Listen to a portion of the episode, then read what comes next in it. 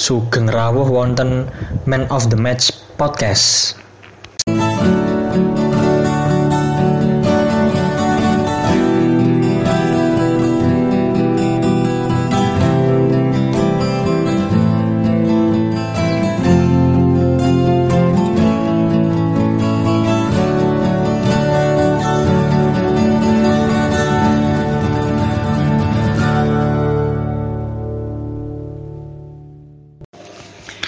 Iya, selamat datang kembali di podcast Man of the Match. Masih bersama dengan Pandit Amatiran dan gelandang pengangkut air kesayangan Anda, Ahmad Saiful Rasid. Kali ini mau ngebahas uh, ini sih, uh, ya satu pertandingan yang menurut saya cukup seru dan itu dialami oleh klub kesayangan saya, klub jagoan saya yaitu FC Barcelona di tengah pekan ini ya hari Rabu kemarin. Ini tagnya hari Kamis ya ini Kamis malam. Hari Rabu kemarin Barca imbang melawan uh, Villarreal di El Madrigal. Skornya 4-4 tuh. Seru itu. Tapi sayangnya saya nggak nonton. Mau nonton malah ketiduran. Udah niat uh, alarm setengah tiga eh malah kebablasan ya. Subuh baru bangun. Tapi yang menarik di pertandingan itu eh, lagi-lagi sih uh, yang menjadi penyelamat Barcelona dari kekalahan ya siapa lagi kalau bukan Messi. Ya, kalau menurut saya sih memang Messi walaupun walaupun uh, pencetak gol terakhirnya Suarez tapi memang masuknya Messi di menit 61 itu mengubah uh, mengubah permainan Barca sih. Ya mengubah segalanya lah intinya lah Ya memang sebenarnya Barca sudah unggul terlebih dahulu di babak pertama 2-1 ya. Terlebih dahulu 2-0 dengan dua Brazilian connection antara Malcolm dan Coutinho masing-masing mencetak satu gol ya dan asis ya. Kalau gol pertama uh, asis uh, Malcolm asis kepada Coutinho ya. Kemudian yang gol keduanya Malcolm uh, dicetak oleh Malcolm di asis ya, diberi asis oleh Vidal itu sudah 2-0 istilahnya udah udah nyaman posisinya eh malah. Ya kalau dilihat gol-golnya sih memang ini sih keteledoran pertahanan Barca lah seperti biasa. Kalau nggak tahu kenapa kalau ada kalau nggak ada Messi seakan-akan pertahanan juga ikut ikut rapuh gitu. Memang sih di pertandingan di pertandingan itu Barca ini nggak masang Pique. Jadi duet backnya itu Lenglet sama Umtiti. Ya Ya mungkin karena memang kedua pemain ini jarang disatukan uh, dalam starting line up atau dalam satu pertandingan jadi memang mungkin chemistry-nya masih belum terbentuk ya. Uh, jadi mungkin ya banyaknya ruang kosong ataupun keterlambatan untuk turun ke belakang koordinasinya kurang ya mungkin itu uh, apa namanya diakibatkan oleh kan jarang tuh mereka berdua memang berpasangan barkanya baru kali ini atau beberapa pertandingan aja sih. Biasanya sih Pique Pique sama Lenglet kalau enggak Pique sama Um Titi kan gitu. Tapi di pertandingan kemarin Lenglet sama Um Titi. Dan di gol pertama itu umpan terobosan Kazurla ya, umpan terupasnya. Ya itu di memang di pertahanan kosong kemudian Kazurla mengumpan ke siapa? Cuk Wezi atau siapa itu? Strikernya ya itu memang kosong sih dia ngejar cuma Alba dan itu memang tinggal ada hadapan sama Ter Stegen. Ya, uh, sempat mengenai Mistar gawang tapi setelah itu bola rebound langsung diselesaikan kembali. Gol pertama gol kedua itu gol kedua Villarreal emang ini sih emang kayaknya skillnya apa yang cetak gol ya pak lupa saya. Itu kayaknya back kanan atau sayap kanannya ya. Golnya kan dari dari kanan tuh dari kanan dia penetrasi ke depan terus kayaknya mau umpan tapi langsung di shooting. Nah Ter Stegen ngiranya mau umpan dia udah nyegat ke agak ke depan gawang dikit eh malah si pemain Villarreal ini malah ini nye, uh, apa namanya ngegolinya lewat sudut sempit padahal sudut sempit itu tapi bisa cetak gol. Gol kedua itu gol ketiganya Vicente, Vicente Ibora. Nah, ini saya tahu pemainnya ya, Ibora namanya. Itu juga terupas itu membelah pertahanan Barca kemudian dengan ketenangan Ibora juga uh, bisa cetak gol. Gol 4 juga uh, serangan balik pertahanan Barca kosong itu umpan terobosan dari Santi Cazorla kali lagi. Terus ya itu udah one on one sama uh, Ter Stegen kemudian si pemain yang nyetak oh ya Carlos Baca Carlos Baca ngelewatin Ter Stegen dan langsung cetak gol. Skornya 4-2 baru nah, kan Messi ini masuk menit 61 nih. Ya ini Messi masuk ya jelas walaupun memang saya nggak nonton pertandingan sih tapi saya mengira-ngira aja. Biasanya kalau Messi masuk udah semua bola fokusnya kalinya memang dari Messi jelas itu. Mungkin sebelumnya kalau belum ada Messi ya mainnya ini sih mainnya ya yang ngalir aja gitu dari dari tengah kanan kiri tengah kanan kiri mungkin gitu geser kanan geser kiri dia memang di pertandingan itu ini sih gak masang tiga pemain yang biasanya jadi starter. Jadi gak Pique, Rakitic sama Messi gak main. Diganti sama Umtiti, Vidal sama Malcolm. Nah jadi memang ya memang tiga pemain ini memang sangat vital sih di masing-masing posisinya. Jadi memang gak ada pemain tiga itu apalagi gak ada Messi. Jadi memang ya ya gitulah. Uh, 2-0 jadi 4-2 Messi menyamakan kedudukan menit 90 itu lagi-lagi dengan bebas kayak ya kayak dejavu sih gol itu jadi di musim 16-17 di titik yang mungkin hampir sama dan arah tendangan bebas yang sama juga itu membobol gawang Villarreal. Uh, Terus uh, gol keempatnya itu Suarez di, di menit-menit akhir di memanfaatkan sepak pojok sebola muntah shooting dengan kaki kiri ya. Jadi ya kalau saya walaupun uh, masih tetap mengatakan ya Messi ini sang penyelamat. Jadi bagaikan anggota Avenger lah kalau saya mengibaratkan itu. Jadi salah satu anggota Avenger yang ingin menyelamatkan dunia ya ini kayaknya kayak Messi. Messi menyelamatkan Barcelona. Kalau saya mengutip uh, perkataannya Coach Justin ini kalau uh, Messi lagi mood ya Barca aman-aman aja. Tapi kalau Messi biasa-biasa aja atau mungkin ya ya nggak mood atau wegah-wegahan males-malesan ya udah Barca kalah gitu. Tapi kemarin lagi mungkin ya dari apa dari bangku cadangan kondisi masih prima udah bisa ini menyamakan kedudukan. Tapi memang ya kalau menurut saya sih ini mungkin strategi dari Valverde ya kan. Biasa sih Valverde itu dia rotasi pemain. Uh, hampir sama kayak uh, Luis Enrique. Jadi suka rotasi pemain apalagi hari Minggu di, Minggu dini hari nanti itu Barca melawan Atletico. Nah, ini pertandingan sangat penting untuk menjaga jarak sih. Kemarin Atletico menang lawan uh, 2-0 melawan Girona jadi sekarang selisih poin tinggal 8 ya, yang sebelumnya uh, yang sebelumnya 10 tinggal 8. Nah, ini hari dini, dini hari Minggu dini hari nanti ketemu di Camp Nou. Ya, harapannya sih menang jadi biar memperlebar jarak. Jadi 11 poin ya, 11 poin. Ya yang penting jangan kalah lah itu, imbang ya nggak masalah, tapi ini jangan jangan kalah. Kalau kalah nanti wah berarti tinggal 5 dan itu semakin ya memper ini sih memperketat persaingan gelar juara yang harusnya berkeaman-aman aja tinggal fokus UCL tapi uh, harus dipusingkan lagi dengan La Liga gitu karena sebenarnya pertandingan melawan Atletico ya istilahnya yang uh, terberat ya yang maksudnya dari sisa-sisa pertandingan lain mungkin ini yang terberat. Setelah itu mungkin sisanya ya uh, kalau secara uh, di atas kertas ya bisa diatasi oleh Barca kan gitu.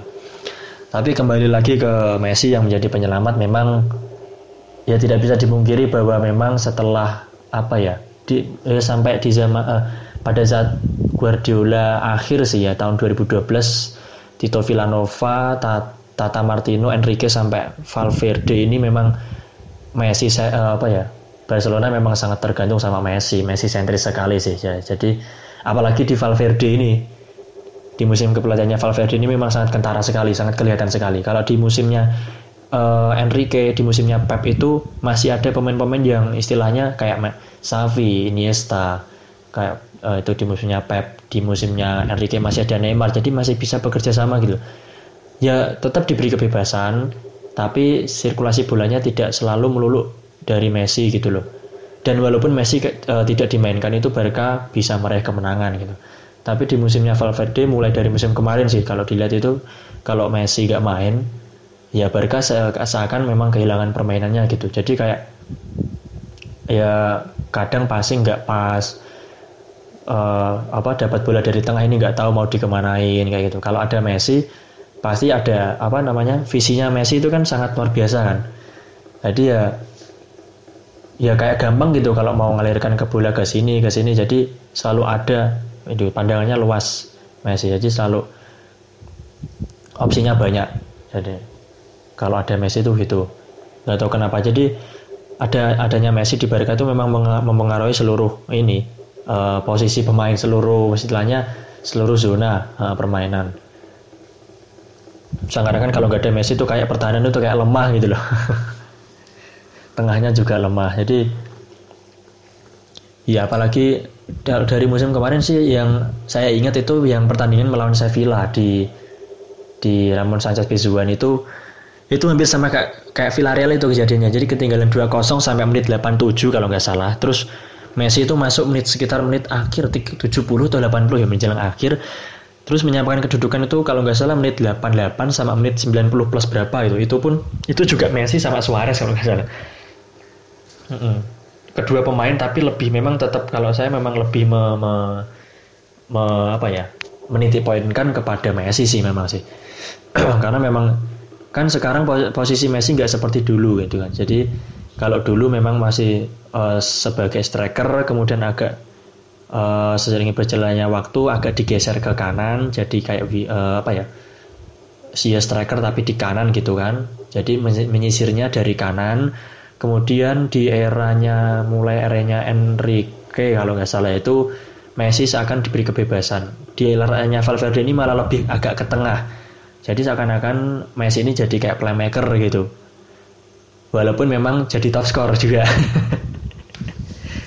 jadi posisinya sebenarnya dia ya diberi kebebasan tapi agak condong ke tengah gitu, agak condong ke tengah, tapi juga support ke depannya juga luar biasa kepada Suarez juga. Jadi Malah Suarez kan kalah jauh ini uh, perolehan golnya. Jadi top skornya masih Messi sekitar berapa? 30 atau 31 gol itu. Jauh meninggalkan Suarez. Suarez posisi kedua. Yang membuktikan dia apa? Uh, terjadinya pergantian posisi Messi itu asisnya. Jadi dia kan asis terbanyak. Ya itu berarti kan memang posisi dia itu agak sedikit turun gitu loh ke tengah itu. Jadi agak sedikit ke tengah enggak memang udah nggak di depan lagi gitu kan Messi. Memang luar biasa sih kalau menurut saya Messi ini. Uh, apa ya? Ya walaupun memang sedikit apa ya dia diberi kebebasan itu dia malah nggak bingung gitu loh. Dan memang bisa dimanfaatkan oleh dia gitu. Dan uh, malah dengan uh, diberinya kebebasan terus posisi yang mungkin menurut saya itu baru bagi Messi itu malah menutupi peran yang pemain-pemain yang lain pemain-pemain yang hebat lain yang lain gitu. Kayak misalkan kayak ini Coutinho lah contohnya. Coutinho tuh dibeli mahal-mahal itu posisinya sebenarnya hampir sama kayak Messi. Jadi dia itu jadi dia itu jadi kayak pengatur. Di Liverpool dia kan juga juga uh, posisinya kan playmaker. Tapi uh, lebih banyak bergerak dari sisi kiri ya kalau kita lihat uh, pas di Liverpool di Barcelona pun juga sama tapi memang peran itu sudah diambil oleh Messi diperankan oleh Messi. Jadi ya memang seakan-akan memang Coutinho tertutup. Makanya itu kan uh, banyak kritikan juga uh, buat Coutinho di awal-awal musim ya, sampai ke Desember Desember Januari dikritik karena memang ya permainannya agak kurang. Kemudian apa apa golnya juga seret gitu kan. Terakhir gol itu kan sebelum sekarang sekarang ini sebelum kemarin itu kan pas terakhir pas lawan Madrid setelah itu beberapa pertandingan lamanya nggak cetak gol. Baru cetak gol itu kapan ya kemarin ya? Lawan apa ya? Lupa saya. Sebelum Villarreal juga kan ngegolin juga itu yang setelah lawan Real Madrid 5-1 itu baru ngegolin lagi. Jadi kayak itu pun uh, tertutup. Kemudian ya ini sih ya kayak pembeli apa peminjaman Boateng itu pun sebenarnya Boateng kan posisinya juga hampir sama kayak Messi. Jadi di Eintra Frankfurt pun di Sassuolo juga posisinya kan hampir sama banget. Tapi itu sudah di ini oleh Messi. Jadi ya dengan adanya apa adanya Messi pun udah cukup itu untuk udah mengatur permainan Barca. yang yang kalau kita tahu dan dan ya dan gini ya kalau apa menurut saya memang Messi ini ya apa ya memerankan ini sih perannya Iniesta sama Xavi. Nah, dulu kan pas di zamannya Pep kan Messi masih di depan tuh, tengah diisi oleh Xavi sama sama Iniesta. Kombinasi dua pemain ini udah cukup. Itu kan tinggal kedua pemain yang memainkan yang memberi umpan Messi Eto'o Henry ya dulu ya. Me, uh, kalau enggak Messi uh, Pedro David Villa tinggal ini aja tinggal konversi apa umpan dan menjadi gol. Kalau sekarang kan Messi gerak, bergerak dari tengah melakukan umpan. Biasanya ya, ya, ya biasanya ke Jordi Alba kombinasinya kan. Jordi Alba cutback ke tengah Messi cetak gol. Kalau enggak ya Messi ngumpan uh, misalkan uh, Coutinho atau Suarez yang cetak gol. Makanya asisnya banyak golnya pun juga banyak. Ya tapi itu sih uh, kelemahannya Messi sen ke apa tergantung kalau tergantung pada Messi itu kan. Tergantung pada Messi ya gitu kalau misalkan nggak dimainin aja satu pertandingan itu Barca agak goyah gitu loh. Yang seharusnya matchnya itu sudah apa bisa dimenangkan jadinya ya kalah imbang ataupun kalah. Jadi kayak kemarin itu ah ini ingat juga yang uh, pertandingan ke 37 jadi mungkin Barca memang sudah dipastikan juara tapi mau mengejar status unbeaten. Di pertandingan ke 37 melawan Levante di kandang Levante kalah 5-4 itu gak ada Messi itu full Messi kayaknya nggak main. Jadi yang dimainin ya apa Coutinho Suarez atau Coutinho Suarez Charles Alena gitu. Ya pemain-pemain yang jarang diturunkan lah gitu. Menggantikan posisinya Messi. Tapi ya itu belum berhasil. Nggak berhasil jadi memang beda aja itu kalau nggak ada Messi gitu. Udah memang udah pakemnya Messi udah ngatur permainan Barcelona. Dan kalau menurut saya sih uh, apa ya ini seharusnya uh, dicari penggantinya sih. Nah, kalau menurut saya Frankie De Jong ini pembelian Frankie De Jong yang akan bergabung musim panas nanti itu uh, kalau menurut saya memang pembelian yang tepat sih. Karena memang di posisinya di Ajax pun dia sebagai playmaker juga jadi memang uh, kalau saya berharap Frankie De Jong jangan sampai dicadangkan jadi beli pemain jangan sampai dicadangkan ya. Valverde pesan saya sia-sia main kalau dicadangkan itu jadi kayak buat yang itu dibeli dicadangkan Murilo juga ini Frankie De Jong harapannya saya ya ditaruh di memang posisinya gitu memang harus berbagi tempat juga dengan Rakitic, dengan Arthur, dengan Vidal kan stoknya Barca gelandang tengah memang melimpah ya. Tapi saya berharap uh, Frankie De Jong jadi starting line up terus musim depan. Jadi biar Messi juga fokusnya di depan gitu loh. Dan kalaupun Messi nggak ada, Frankie De Jong masuk mengisi menggantikan posisi Messi itu permainan Barca itu tetap berjalan dengan semestinya gitu loh. Dan kita pun sebagai fan, saya pun ya, saya pun sebagai fans juga ngelihatnya itu juga enak kalau misalkan Barca nggak apa tanpa Messi. Nah gitu. Mungkin itu aja sih. Oh kalau Barca ya. Uh, Barca ada pertandingan-pertandingan lain. Liga Inggris, Liga Spanyol juga. Liga Spanyol selain Barca Villarreal ada Atletico. Tadi Atletico menang lawan Girona yang memperpendek uh, poinnya dengan Barca menjadi 8 poin. Terus baru dini hari tadi uh, Real Madrid kalah lawan Valencia. Ya ini Valencia ini di musim 2019 emang ini sih emang mantap sih. Kan sebelumnya memang di 2018 di awal-awal musim memang sempat-sempat terseok ya. Sempat terseok sampai ke peringkat ya 13-14an kalau nggak salah ya papan tengah. Tapi di 2019 awal sampai sekarang sampai awal April hanya mengalami satu kekalahan. Nah, apa, meraih kemenangan termasuk kemenangan non Madrid ini mengatrol posisi Valencia ke lima sih ini ke lima. Karena Alaves sama Sevilla kalau nggak salah kalah juga ya jadi naik terus Getafe juga imbang lawan Spanyol jadi ini terpaut satu poin sama Getafe. Dia ini lagi apa posisi lagi mengejar lagi mengejar posisi Liga Champions ini. Tapi kalau saya sih pengennya Getafe. Nggak tahu kenapa itu Getafe kalau ke Champions wah mantap kayak Leicester Leicester champion jadi kita ke champion itu kayak Leicester. Tim kecil tapi bisa ke champion Valencia Real Madrid ya emang Real Madrid selalu dibuat kesulitan sih. Nggak hanya Real Madrid sih Barca juga. Kadang kalau melawat ke Esta Mestala Mestaya emang kesulitan sih. Emang emang Valencia kalau di kandang sih emang solid sih mainnya solid. Kalau nggak salah musim ini Barca imbang dua kali malah. Di Camp Nou juga tahan imbang. Waktu itu malah, malah hampir kalah sih. Karena permainannya emang bagus bagus sekali sih Valencia. Kalah 2-1 Madrid ya berarti uh, di dua pertandingan awal di uh, kepelatihan Zidane menang tapi ini kalah. Jadi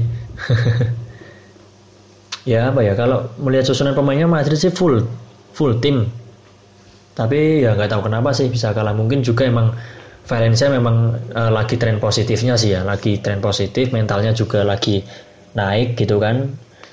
Uh, sangat berambisi juga buat masuk ke zona Liga Champions, jadinya memang motivasi penuh di kandang sendiri pun juga, jadi ya memang pantas sih kalau mencari kemenangan.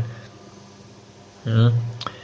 Terus ya membawa apa sih? Uh, persaingan di apa untuk memperebutkan Liga Champions League di Liga Spanyol ya ketat sih.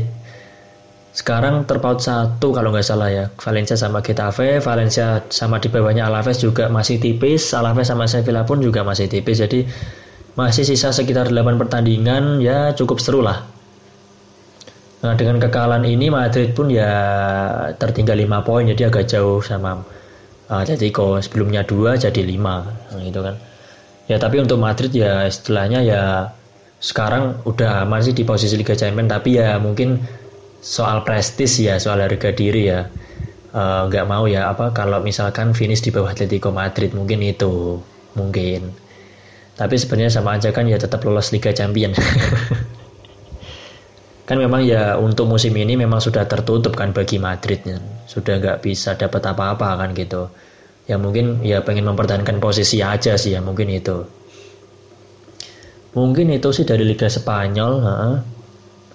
oh, mungkin kita ke Liga Inggris yang nggak banyak kejutan hanya satu kejutan yaitu dan kalau menurut saya malah bukan kejutan sih.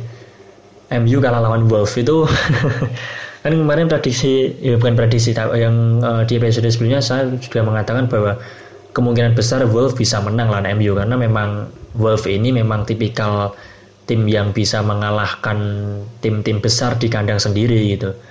MU udah pernah kalah, Chelsea, Liverpool juga memang di kalau Wolves main di kandang memang solid juga juga kayak Valencia tadi memang solid sih.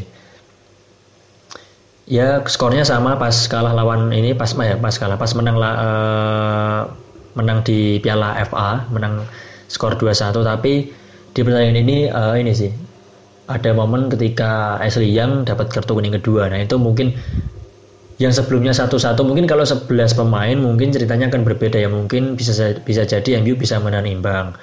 Tapi dengan keluarnya Ashley Young otomatis uh, permainan dikendalikan penuh oleh uh, Wolf ya menyerang nggak total-total banget sih ya intensitas penyerangannya meningkat gitu kan. Sampai pada akhirnya itu yang gol kedua uh, ya apa dikurung kan itu dikurung terus crossing dari sisi kanan pertahanan MU terus ya gol bunuh diri Smalling gitu kan. Tapi memang di pertandingan itu juga ini sih uh, oleh oleh oleh oleh Solskjaer ya, oleh Gunnar Solskjaer uh, menurunkan banyak uh, beberapa pemain ini sih. Nah, jadi dia nggak masang siapa ya mata ya kalau nggak salah dipasang. Jadi yang dipasang kan McTominay gitu kan. Yang yang nyetak gol pertamanya ya bagi MU di Premier League. Hmm. Ya harus menerima dengan kekalahan ini harus menerima posisi alamnya ya. Jadi ada banyak guyonan nih dan posisi alamnya MU bukan Liga Champions lagi sekarang. Ini posisi 6. Balik lagi coy posisi 6 MU.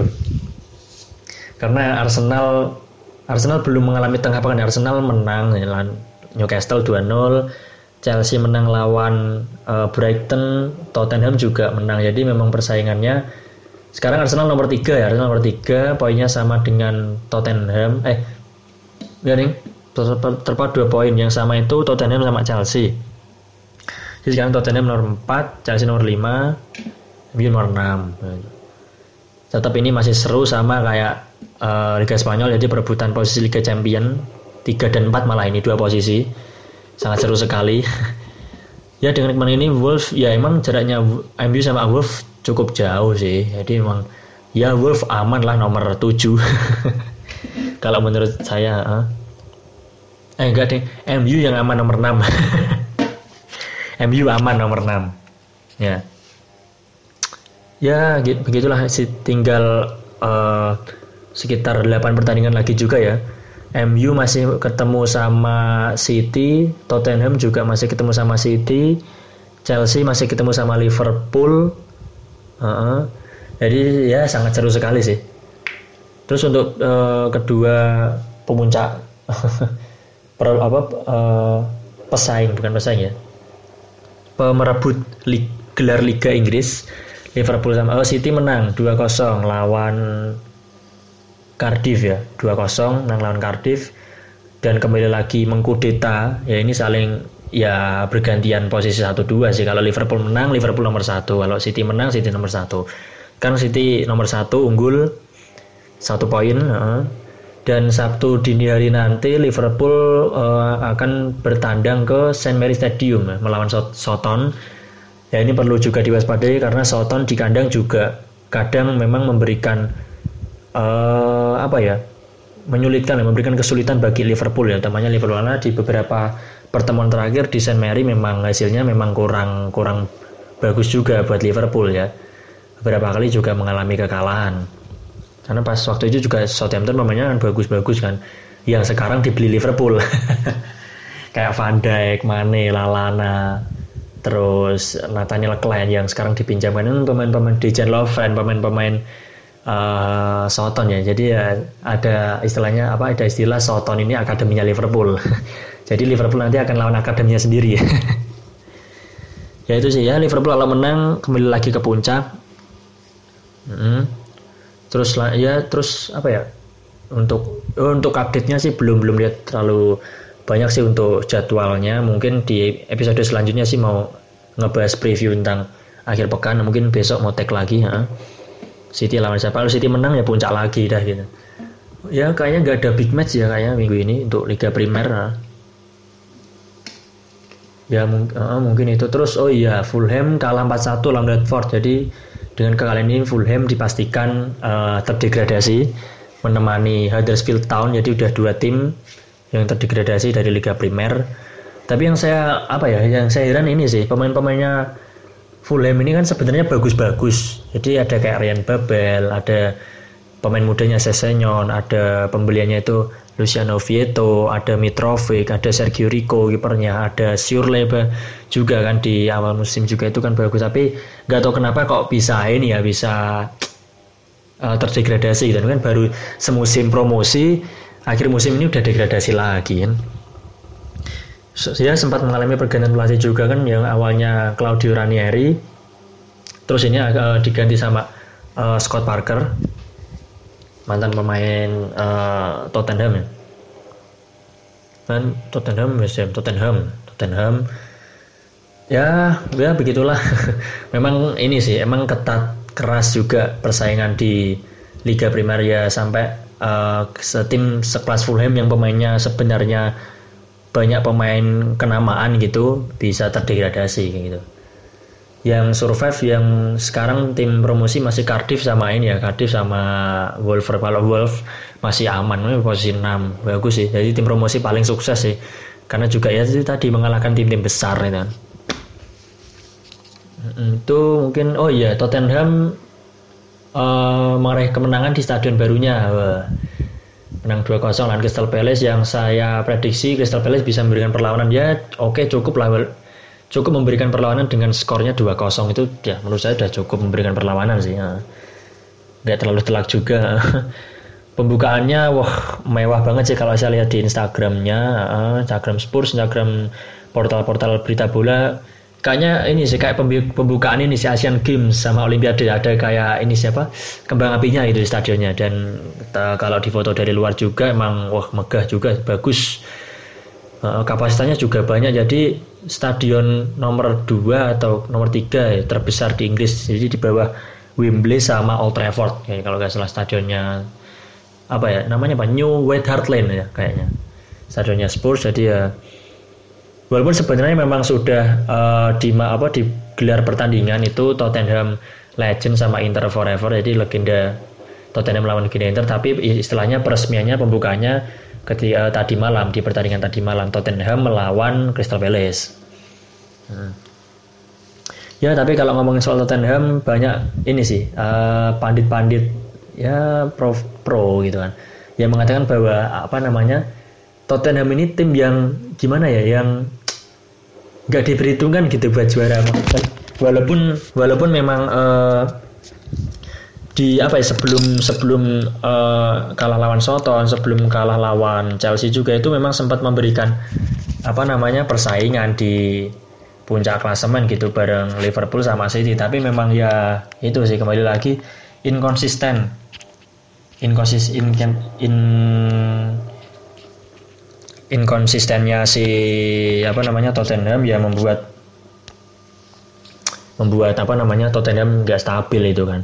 Dan memang kedalaman squad dari Tottenham pun uh, jauh berbeda dari Liverpool sama City. Kalau lihat kedalaman squadnya Liverpool sama City itu wah gemuk sekali sih.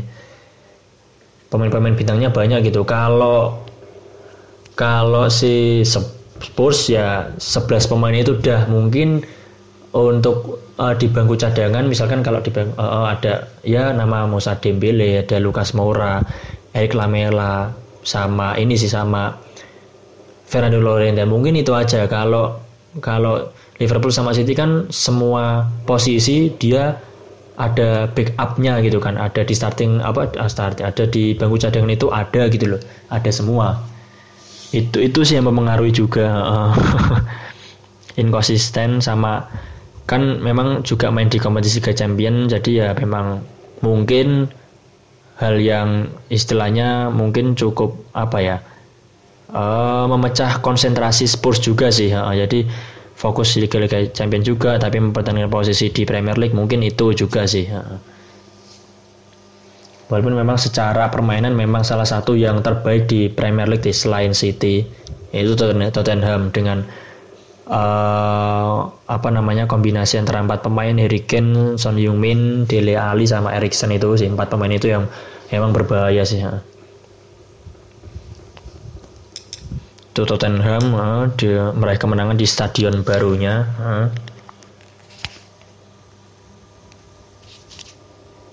Terus apa lagi ya? Hmm, selain Liga Spanyol, Liga Inggris, Liga Italia, Liga Italia Juve menang uh, Moiskin mencetak gol lagi tuh kan. Ketika diberi kesempatan kan saya sudah pernah sudah pernah bilang juga di episode sebelumnya. Cetak gol kan. Cetak gol lagi dia. Tapi ini sih ada kejadian sih pas uh, lawan Cagliari kemarin mendapat ini sih kayak rasis gitu. Uh, Moiskin dapat rasis. Nah uh, kemudian setelah kena rasis itu Moiskin cetak gol. Nah dia istilahnya uh, kayak melakukan selebrasi itu untuk apa ya membuat para supporter Cagliari ini diam gitu loh. Jadi dia mau menjawab rasis itu dengan mencetak sebuah gol. Jadi hampir sama yang dilakukan sama Sterling ketika melawan uh, apa Makedonia. Uh. Jadi ya apa namanya tidak tidak memberikan balasan tindakan yang provokatif atau apa, tapi dengan hanya mencetak gol itu merupakan sebuah jawaban yang ini sih jawaban yang elegan kalau menurut saya sih. Yang dilakukan oleh pesepak bola khususnya yang berkulit hitam untuk menjawab rasis ini sih.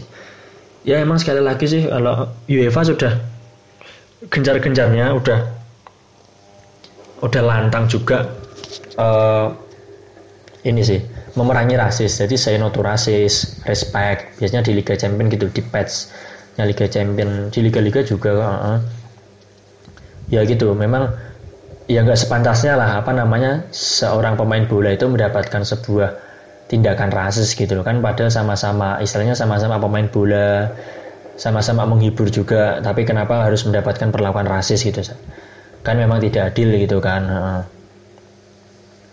ya yang seharusnya kita apa namanya uh, mendapat hiburan apa namanya menikmati hiburan gitu kan tapi malah uh, harus diselingi dengan tindakan yang sebenarnya tidak patut gitu kan. Nah, makanya itu ya kita juga ya sih kalau bisa juga misalkan kalau di medsos atau di apa ya kalau bisa jangan jangan rasis lah atau jangan istilahnya uh, memberi komen yang provokatif atau menghina atau segala macam gitu.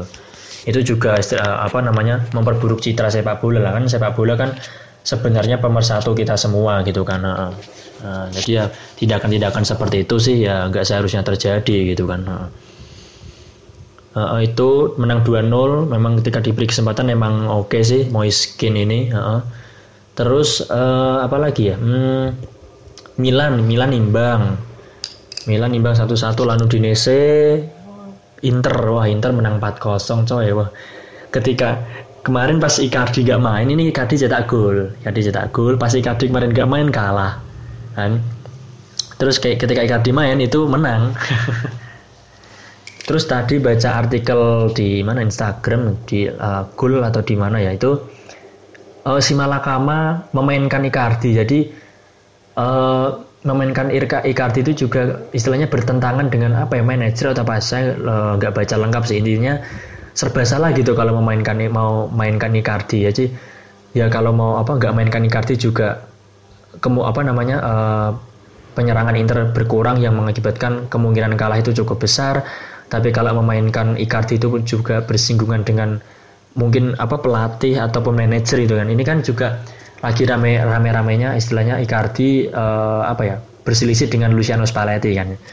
Makanya di pertandingan terakhir di beberapa pertandingan terakhir uh, Icardi gak dimainin gitu kan. Karena memang ternyata ada ber, apa perseteruan antara dia sama Luciano Spalletti saya juga nggak tahu persis ya awal mulanya kenapa kok bisa seteruh. Tapi di beberapa pertandingan terakhir emang kalau nggak ada Icardi kayaknya ini sih kebanyakan kalah juga kan. Walaupun pas lawan Milan menang ya. Tapi setelah itu lawan Lazio kalah. Ini malah menang ini. Ada Icardi main menang 4-0 lawan Genoa. Padahal kemarin Genoa bisa ngalahin Milan eh ke Milan ngalahin Juve kalah lawan Inter. Itu Milan, uh, Inter ya berarti semakin men, ya menjauhi Milan lah. Uh. Juga Napoli sih Napoli kalah lawan Empoli. Jadi dengan hasil ini Empoli ya sedikit satu strip di atas posisi aman walaupun belum aman-aman banget karena eh nggak tahu sih paling ya episode sebelumnya mengatakan bahwa Empol, eh, Napoli ini bisa menang mudah lah ternyata enggak dua kalah Napoli itu terus uh, ternyata lawan Spal tim promosi eh tim tim oh, Lazio kalah kalah 1-0 hmm, Atalanta menang. Nah ini Atalanta poinnya sama Lazio sama-sama 48 tapi unggul selisih gol jadi peringkat 5 dan terpaut 4 poin dengan Milan posisi 4 dan Atalanta ini punya selis, uh, satu pertandingan lebih banyak jadi kalau main menang nanti terpaut satu. Nah ini ya warning tersendiri sih bagi Milan. Jadi memang kan memang Atalanta ini tim apa ya dari musim kemarin sih memang sudah menunjukkan apa ya hmm, level permainan yang berbeda gitu dari dari musim-musim sebelumnya. Kalau musim sebelumnya kan memang ya sebagai tim papan tengah lah biasa tapi mulai musim kemarin sampai sekarang ini menunjukkan permainan yang luar biasa gitu kan. Uh, ini sih yang paling diingat mungkin ya uh, sama uh, peng apa pemerhati itu. Pecinta sepak bola itu ketika Atalanta mengalahkan Juve di perempat final Piala Italia itu padahal padahal Juve ada Ronaldo itu tapi kalah 3-0 Ronaldo uh, Juve nggak bisa ngegolin. Jadi musim kemarin juga main di Liga Eropa juga kan tapi emang nggak uh, lolos. Musim ini dan dan musim ini juga lolos, uh, Liga Eropa juga tapi kayaknya nggak lolos juga ya 16 besar atau berapa 32 besar itu nggak lolos. Ya tapi gak, tapi kalau menurut saya ini mau, mau sebuah apa ya uh, keuntungan tersendiri bagi Atalanta sih. Jadi bisa fokus di Liga dan bisa mengejar ini posisi Liga Champion ini sengit ini antara Milan Atalanta sama Lazio. Jadi poinnya berbeda tipis soalnya kalau Milan sama Inter agak jauh juga karena Milan beberapa pertandingan terakhir kan kalah lawan Sampdoria 1-0 ini imbang kandang sendiri. Jadi mengalami tren negatif lah beberapa pertandingan terakhir. Hmm. Roma imbang 2-2 lawan Fiorentina itu sih. Masih belum bangkit juga Roma sama kayak Milan.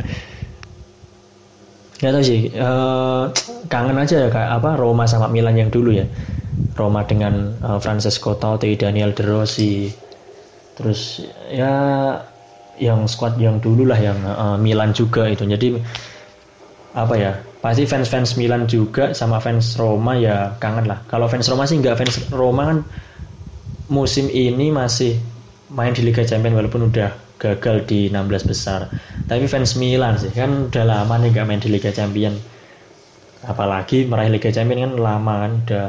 Jadi terakhir 2007 ya hampir 12 tahun kan ya pasti fans Milan masih ini sih masih kangen lah istilahnya dengan komposisi pemain dulu yang wah, cukup mentereng sih itu sih.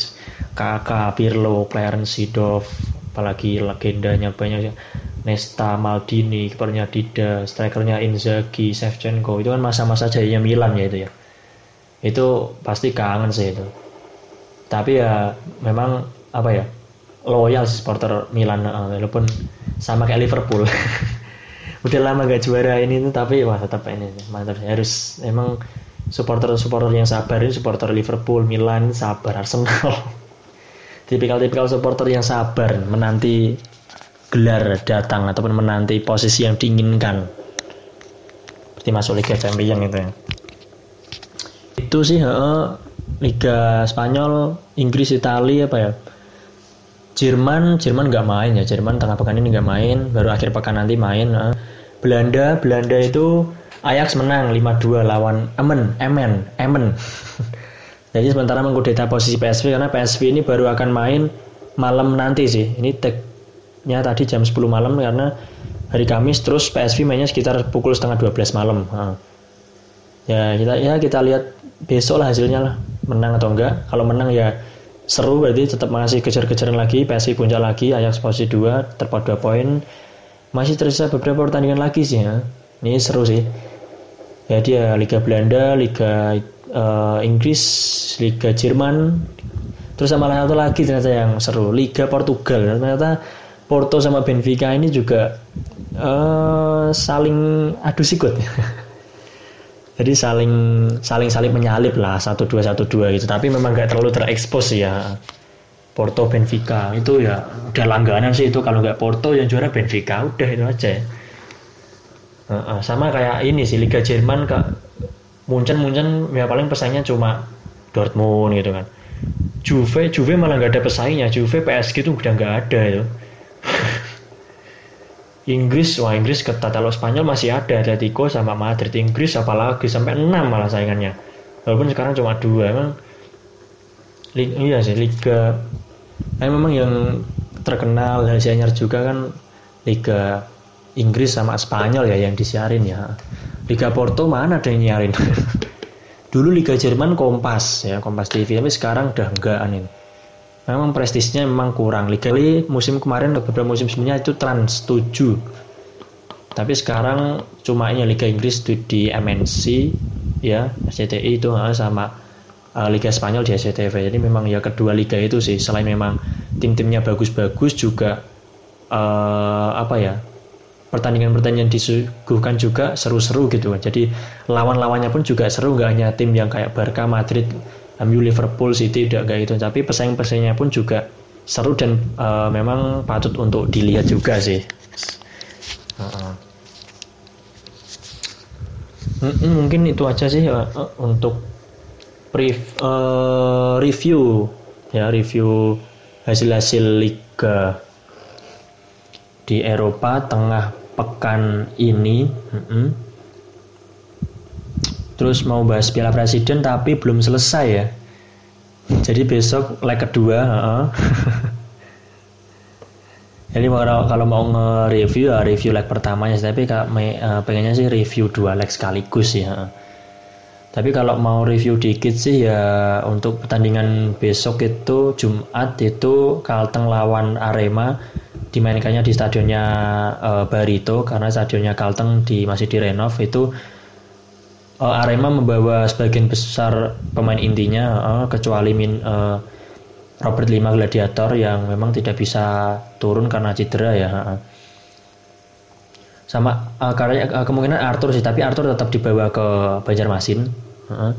Jadi memang kalau memang uh, kalau saya lihat start uh, squad yang dibawa Arema ke Banjarmasin sih squad yang sama kayak di Malang kemarin jadi dibawa semua uh. Arthur Jumlah juga termasuk dibawa Ikhvanul Alam juga dibawa yang kemarin diperban uh, terus ya kekalahan 3-0 cukup berat sih bagi Kalteng untuk untuk istilahnya menyamakan walaupun memang tidak ada yang tidak mungkin di dalam dunia sepak bola ya uh, uh. Barca aja kemarin 4-1 jadi 3-0 itu saya lihat sedih. PSG 4-0 lawan Barca dibalik 6-1 jadi ya ya ya semuanya bisa terjadi sih dalam 90 menit itu. Tapi kalau menurut saya tetap berat sih dan masih mengunggulkan jagoan saya sendiri Arema untuk lolos ke final. Kalau memang dari konferensi persnya yang saya lihat di Instagramnya Piala Presiden itu uh, Coach Milo memang mengatakan tidak ingin bertahan. Jadi memang kemungkinan Arema akan tetap menyerang, akan tetap memberikan perlawanan mungkin seperti yang ditampilkan lawan Bayangkara ketika tandang itu mungkin akan seperti itu. Jadi akan memanfaatkan serangan balik ya. Karena ada satu pemain ini yang sudah di uh, tampilkan starting line up ditampilkan sebagai tim utama Ricky Kayame kemarin juga mengobrak-abrik pertahanan Kalteng Putra gol pertama gol pertama itu sebenarnya milik Dedik tapi memang uh, kredit tersendiri buat uh, Riki Kayame sampai-sampai yang apa namanya Indosiar juga uh, apa namanya kemarin nulis yang nyetak gol itu Riki Kayame walaupun memang di, kalau dilihat dari tayangan ulang itu uh, Dedik sih. Jadi bola belum melewati garis gawang disapu Dedik tapi yang uh, ditulis yang menyetak gol itu Riki Kayame jadi memang terlepas dari itu memang aksi dari Rike Kayame ketika itu melewati 2 sampai 3 pemain sampai mengolong Oke John luar biasa sih. Sampai melewati kiper juga kan itu. Udah terlihat sih ketika melawan Bayangkara itu di yang dimainkan di babak kedua itu udah terlihat sih. Memang Riki Kayame ini memang ya istilahnya pemain apa ya? Kan kalau nggak salah pinjamannya dari Persebaya. Jadi pemain yang ya memang mendapat keberuntungan lah mendapat rezeki lah itu dapat Riki Kayame ya. Memang tipikal pemain-pemain Papua kan itu gesit, ya, pendek gesit itu loh. Kayak Pak Habul, tapi memang Pak, Habul kemarin ini sih nggak bisa terlalu banyak mengeluarkan skillnya sih karena memang uh, uh, saya akui memang tengah sama belakangnya Arema cukup baik uh, uh, dalam melaksanakan tugasnya. Apalagi memang ketika uh, duet back yang digalang uh, Hamka sama Ikfanul Alam ini memang kurang, uh, maksud saya memang sudah baik tapi kurang itu karena memang Ivanul Alam kan uh, apa uh, mengalami pendarahan ya di kepala dan langsung posisinya digantikan oleh Hanif. Dan uh, Hanif waktu itu menjadi gelandang bertahan mundur menjadi back. Kemudian masuklah Jayu Saryono menggantikan posisi dari yang ditinggalkan oleh Hanif. Jadi memang masih kuat gitu. Jadi seakan-akan malah empat quartet back ini ditambah dua gelandang bertahan jadi enam pemain bertahan tambah Jayus tambah tambah Hendro Siswanto.